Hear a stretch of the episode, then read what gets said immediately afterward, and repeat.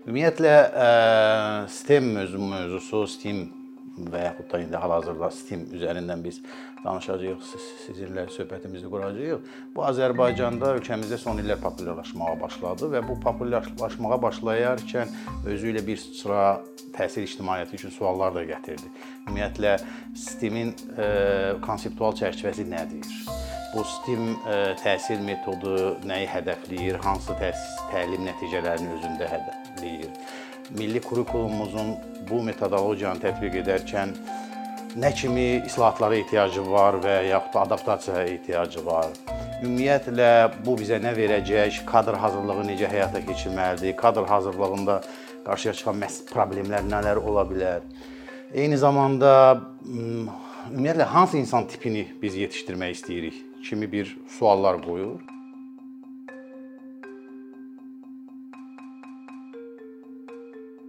İlk növbədə qısa tarixi ekskursiya etsək sistemlə bağlı, bunun yaranma tarixi gedir çıxır 20-ci əsrin ortalarına, hansı ki, vaxtilə keçmiş Sovetlər İttifaqı kosmosa öz peykini göndərəndə və Amerika təhsil sistemi belə deyək, ümumiyyətlə Amerika ictimaiyyəti bundan şok şoka düşür və nədən bu qədər geridə qaldıqları haqqında düşünürlər və öz təhsil sistemlərinin analizi və təhlili göstərir ki, onlarda xüsusilə dəqiq elmlər, fizika, riyaziyyat kimi elmlər ümumiyyətlə public schoolların 23%-də tədris olunmur. Və beləliklə o sistem yanaşması meydana gəlir. Mühəndislik əsasən ixtisaslarının inkişafı və biliklərin inkişafını verən fənlərin tədrisinə üstünlük verilir. Və bu da ona gətirib çıxarır ki, artıq 2000-ci illərdə Amerika hökuməti sistem təhsilində fəaliyyətinin koordinasiya adlı bir qanun qəbul edir və artıq bu federal səviyyədə dəstəklənməyə başlayır. Və belə bir nümunə yaradırlar. Biz e, Azərbaycanda bu prosesə başlayarkən e, bütün bu araşdırmaları apardıq, xarici ölkələrin e, təcrübələrini öyrəndik. Xarici ölkələrə səfərlər təşkil olundu Təhsil Nazirliyi səviyyəsindən. Böyük müəllim heyəti istər İsrail, istər Türkiyə təhsil sistemini öyrənmək üçün orada bir aydan çox təlimlərdə oldular. Fransa Finlandiya modeli təhlil olundu.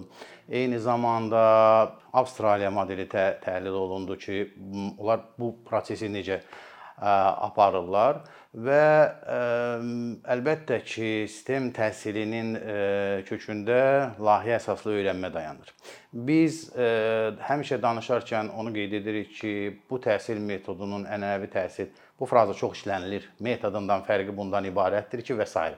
Əslində məsələ ondan ibarətdir ki, bunu biz həmən ə, söhbət mövcud olan təhsil sisteminə alternativdən getmir. Əslində onun üzərində qurulmuş bir təhsildən söhbət gedir. Əgər ə, bizim bildiyimiz ə, tədris və indiyə qədər ənənəvi tədris metodu hansı ki adlandırılır, adlandırılır. Burada auditoriya tiplidir və müəllimin funksiyası, öyrədənin funksiyası hər hansı bir materialın, nəzəri materialın ötürülməsi əsasən belə deyək, ötürülməsindən ibarətdirsə şagirdə və yaxud da öyrənciyə.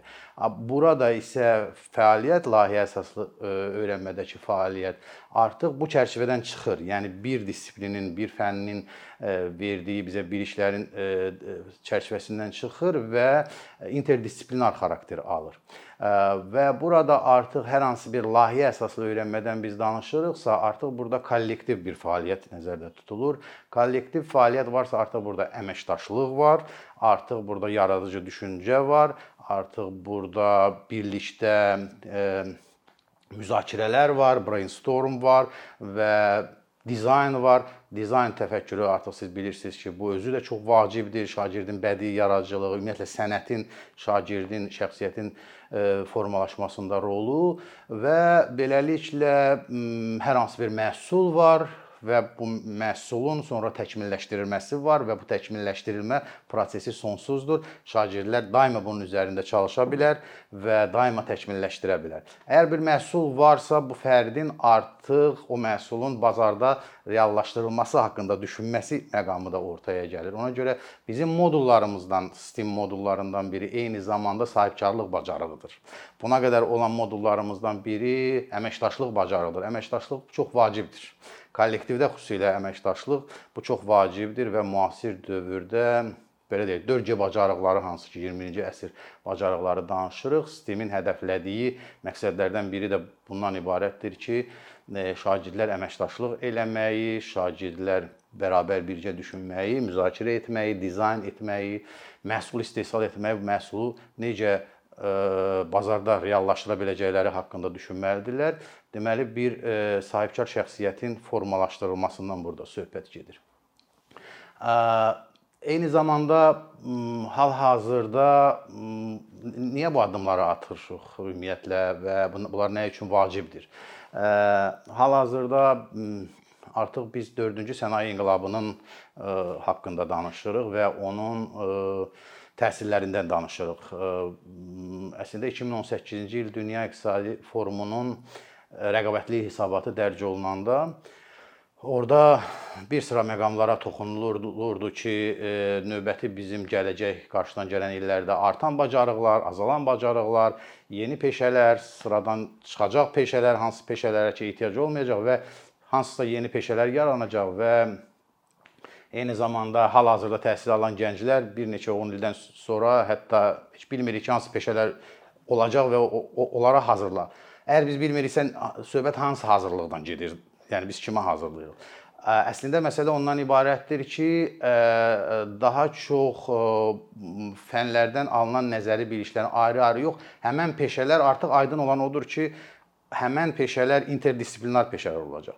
Yəni bir fəndən əldə olunan biliklər yox, bir neçə fəndən əldə olunan biliklərin sintezi, qərar vermə bacarığı, əldə olunan informasiyanın təhlili və problemin həllinə yönəlik addımların atılması. Bu yalnız bacarıq əsaslı təhsildə e, mümkün olacaq. STEAM təhsili əsasən layihə əsaslı öyrənmədir. Layihə əsaslı öyrənmədə artıq kollektiv fəaliyyət və kollektiv fəaliyyət varsa, qarşılıqlı öyrənmə bir mühiti də var. Şagirdlər bir-birindən öyrənirlər orada. Hamımızın bildiyiniz kimi sinifdə kimya fənnini və yaxud da fizika fənnini, riyaziyyat fənnini eyni dərəcədə mənimsəm mənimsəmirik və bu hal təbiidir və bunu biz görürük.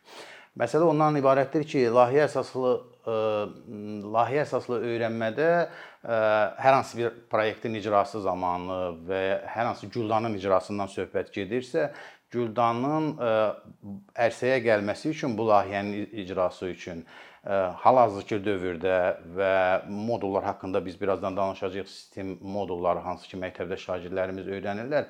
İlk növbədə bunun müzakirəsi, kollektiv bayaq qeyd elədiyim kimi müzakirəsindən söhbət gedir ki, biz nə istəyirik, bunu necə dizayn etməliyik, Bunun haqqında fikirlərimizi ortaya qoyandan sonra bunun bilgisayarda, kompüterdə rəqəmsal dizaynından söhbət gedir. Artıq bizdə bizə burada informatika bilikləri lazımdır. Eyni zamanda və yaxud da ki, hər hansı bir texnoloji həll tapmalıyıq. Burada bizə texnologiyadan biliklər lazımdır.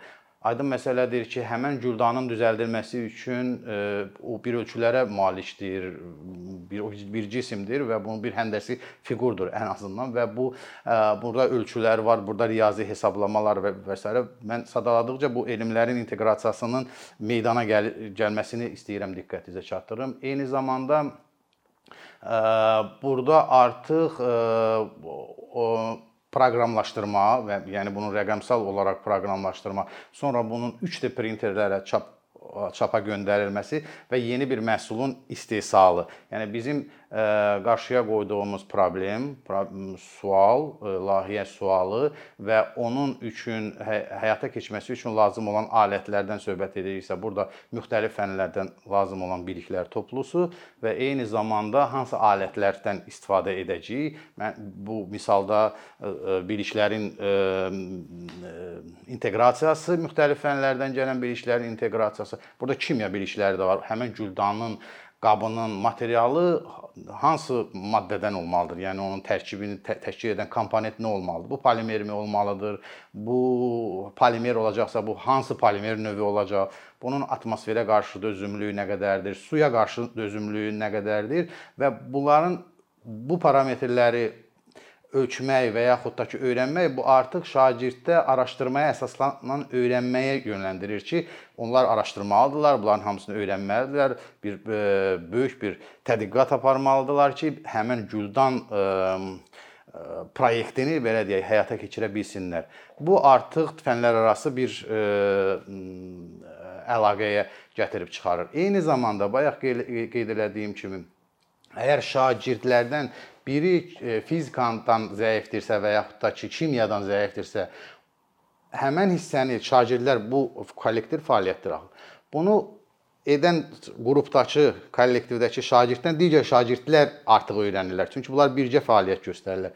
Eyni zamanda burada iki üstünlük nədən özünü harda göstərir? Hamımızın bayaq dediyimiz kimi eyni disiplini eyni səviyyədə bilmək kimi bilməyə bilərik və burada şagirdlər anlayır ki, bu fəaliyyət zamanı onların ayrı-ayrı fəaliyyətləri, həmin Güldanın üzərindəki fəaliyyətlərinin nə qoyduqları bu enerji, bu sərf etdikləri bu zaman birgə fəaliyyətlərindən əl, əldə etdiyi sinergizmdən qat-qat daha çox enerji qoyublar, amma nəticə daha azdır fərdi olaraq. Amma bircə olaraq çünki hər birinin öz qatqısı var.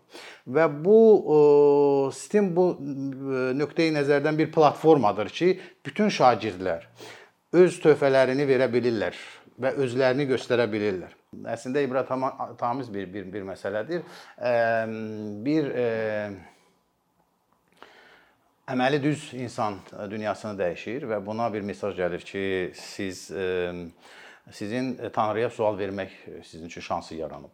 E, və bunun sualı ondan ibarət olur ki, dünyada ən böyük sərkərdəlik siz kimə vermişdiniz bu bacarığı? Və buna gələn səda ondan ibarət olur ki, siz filan kəssiniz, filan məhəllədə, filan küçədə yaşayırdınız. Bax həmin küçənin başındakı pinəçi, o cüssəli o insan ə, ən yaxşı indiyə qədər gəlib gedənlər arasında ən yaxşı, ən böyük sərkərdəlik qabiliyyəti onda idi. Amma bunu nə onun özü, nə də onun ətrafındakılar bilmədilər. Bu bir ibrətamiz bir hekayədir. Burada məsələ ondan ibarətdir, çünki onun meydanı olmadı. O elə öz e, köşkəsində oturdu, yalnız yalnız pinəçiliklə məşğul oldu və e, belə də həyatdan köçdü getdi. Yəni buna platforma verilmədi. Steam doğrudan da bir platformadır ki, hansı ki şagirdlər hərə özünü tapa bilir orada. Yəni bir dənə Güldanın üzərində kimya, fizika, biologiya, ə, texnologiya, riyaziyyat, həndəsə, 3D e, printing, modelləşdirmə, informatika varsa, bu artıq bir çox fənlərin e, birləşməsidir, inteqrasiyasıdır və burada şagirdlərin söhbət əməkdaşlığından gedir. Şagirdlər öz mentorlarına, öz müəllimlərinə müraciət edirlərsə, eyni zamanda müəllimlərin də əməkdaşlığından burada söhbət gedir. Müəllimin də, tutaq ki, biologiya müəlliminin informatika kodinqi bilməməyi bu normaldır.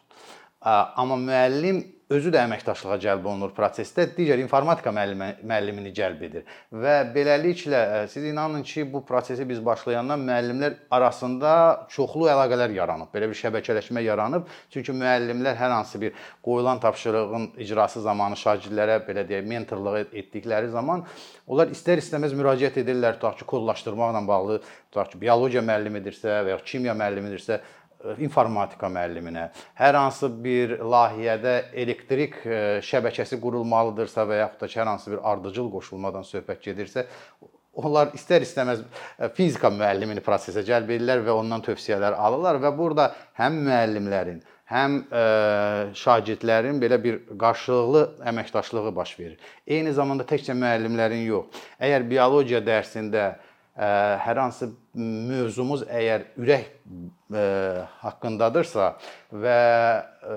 kiminsə valideyni kardioloqdursa və həmin valideynin sinifə cəlb olunması bu sistemdə alqışlanır ki, həmin valideyn gəlsin və həmin mövzunu uşaqlara valideyn tərəfindən, həmin sinifdə oxuyan uşaqlar bu çox böyük töhfə verir təhsil sisteminin belə deyək, dinamik inkişafına, eyni zamanda həm valideynlərin prosesdə iştirakı, ümumiyyətlə ətraf mühitin, bütün ekosistemin bu prosesə qoşulması və bunun birgə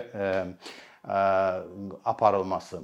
Layihəyə 2019-cu 2020-ci tədris ilindən başlanılıb və ilk başlanıldığı ildən bu 6800 şagirdi əhatə edirdi və Bakının 42 məktəblərində layihə olaraq başlanıldı.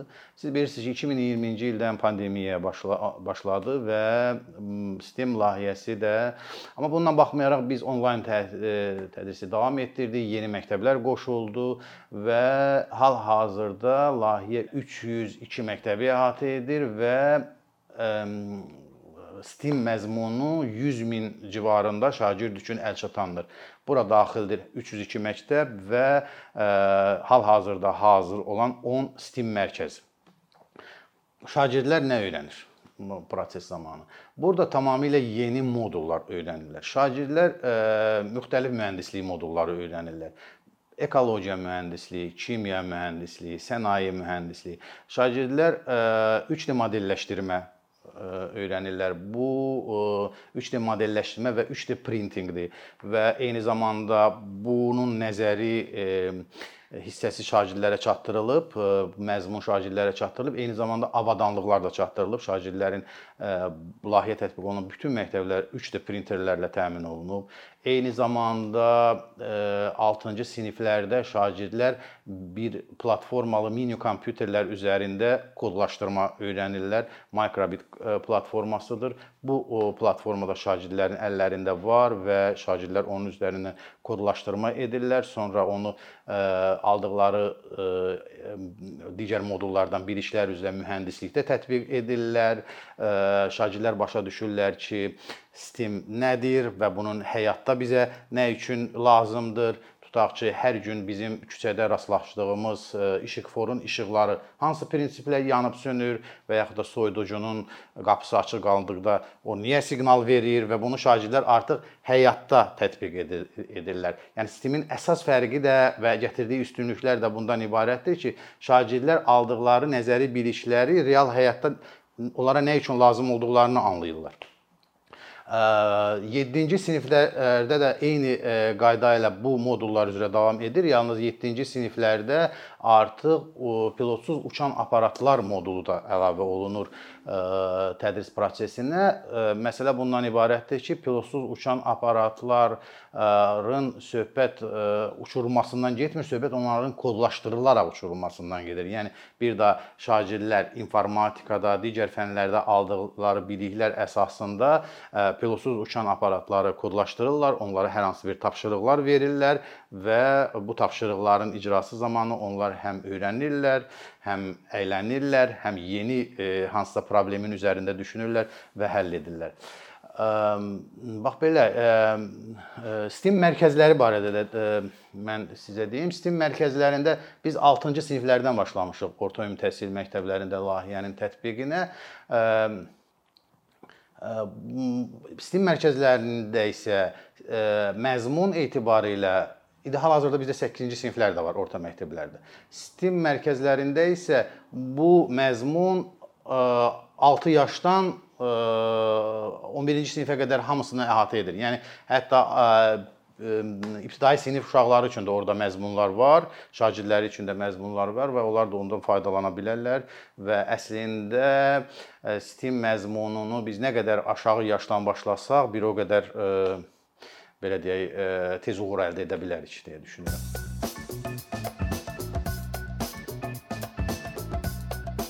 Bir neçə ildir ki, əkinçi olaraq Azərbaycanlı izləyicilərin hər zaman faydalana biləcəyi keyfiyyətli və ən əsas ödənişsiz kontent hazırlamağa çalışırıq. İndiyədək təqdim etdiyimiz onlarla animasiya və yüzlərlə çəkilişlər tələbələrin, mütəxəssislərin, müəllimlərin və ümumiyyətlə yeni mövzulardan xəbərdar olmaq istəyən çox sayda insanın marağına səbəb olub. Bu illər ərzində hazırladığımız videolar təhsil, texnologiya, ictimai fəallıq, iqtisadiyyat, gender bərabərliyi, ətraf mühit, ifadə azadlığı, hüquq, demokratik inkişaf, mədəniyyət və digər mövzuları əhatə edib. Məqsədimiz çoxlu baxış gətirən deyil, çoxlu fayda gətirən videolar hazırlamaqdır. Amma bu düşündüyümüz qədər asan deyilmiş. Gördüyümüz iş kifayət qədər resurs, əmək və təbii ki, davamlılıq tələb edir. Bu səbəbdən Patreon platformasından istifadəyə başladıq. Əkinçinin Patreon hesabının populyarlaşmasına çox böyük ümidlərimiz və gözləntilərimiz var.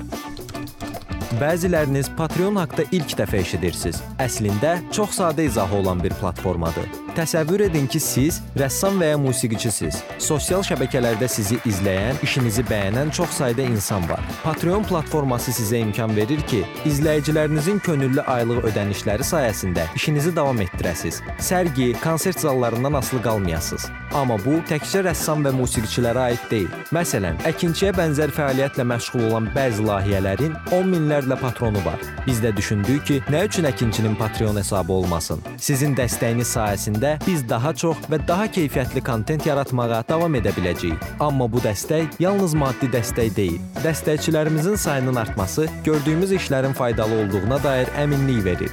Patreon platformasından istifadə çox sadədir. Hesabınızı açırsınız, sizə uyğun dəstək növünü seçirsiniz və Patreon özü hər ayın ilk günü kartınızdan seçdiyiniz dəstək növünə uyğun ödəniş tutur. Bu qədər. Sonda onu demək istəyirik ki, dəstəkçilərin sırasına qoşulmaq istəyən, amma məhdud imkana görə bunu edə bilməyənlər narahat olmasın. Daha öncə dediyimiz kimi, bizim əsas məqsədimiz daha çox insanın hər zaman faydalana biləcəyi keyfiyyətli və ödənişsiz kontentin yaradılmasıdır. Bunun üçün mütləq patronumuz patronumuz olmalısınız deyə məcburiyyət yoxdur. Amma imkanınız patron olmağa çatırsa və bizim işimizi bəyənirsinizsə, patronlarımızın sırasına qoşulmağınız bizim üçün çox önəmlidir.